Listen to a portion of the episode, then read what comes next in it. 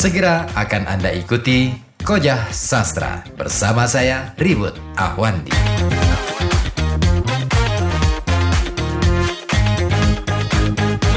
Seperti yang kita lakukan pada malam hari ini ya, Oke. eh, selain saya eh, kita siaran dipancarkan dipancar luaskan via gelombang radio, Hmm. juga kita bikin videonya gitu ya di eh, live streaming Facebook saya gitu ya.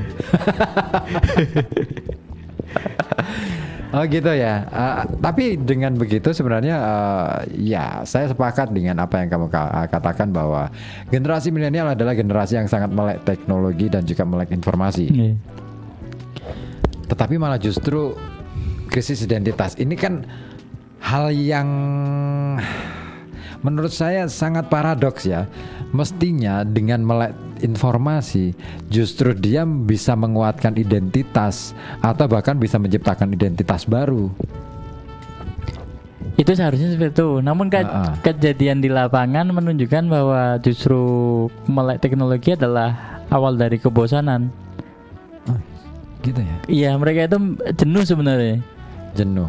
Jenuh bosan kok eh, kok gini-gini toh dalam artian apa sih hal yang bisa akhirnya mereka merindukan suatu peranan dalam hidup. Ah, ah, ah, ah. Terus. Eh Ketahuilah hidup itu kemonoton eh, hanya menunggu Waktu mati. Waktu mati atau ajak menjemput kan seperti itu. Mereka kemudian mencari, mencari, mencari, mencari. Ya ada yang sudah menemukan eh, dalam artian kegiatan baru, namun Tapi itu bagus loh, yuk. Artinya kamu sebagai orang yang kemudian bergiat di kesusastraan, katakanlah seperti itu, Oke. eh, sebagai pen- calon penyair, gitu. amin ya rabbal alamin. Harapannya sih gitu. Eh, kamu harus konsisten jadi eh, konsisten harus jadi penyair. Beneran, aku aku menaruh harapan besar pada dirimu.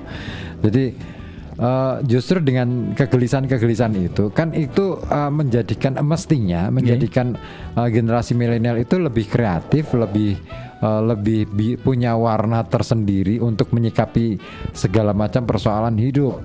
Mestinya Ya. gitu. Mestinya Tapi yang terjadi dalam lapangan tidak semua mengalami keberuntungan ketika entah itu ada apa namanya bisa dikatakan mentor pendampingan dari orang yang pengetahuan tidak semuanya mendapatkan itu prof apa privilege apa berarti privilege Eh, apa? perlakuan istimewa. perlakuan istimewa seperti Oh. itu Apakah perlu?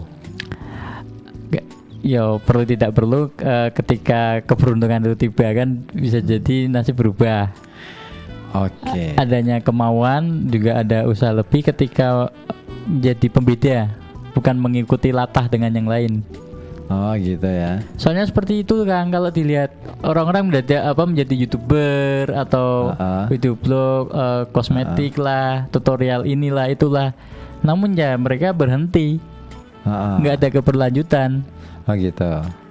karena eh, apa ya lelah dalam artian ingin cepat-cepat ingin eh, pencapaian yang singkat ya seperti itu jenengan mungkin bisa tahu sendiri Oke. maksudnya I see. Aku Oke. bisa mengerti bahwa kegelisahan generasi milenial itu lebih dikarenakan mungkin ini dalam tahap mungkin ya.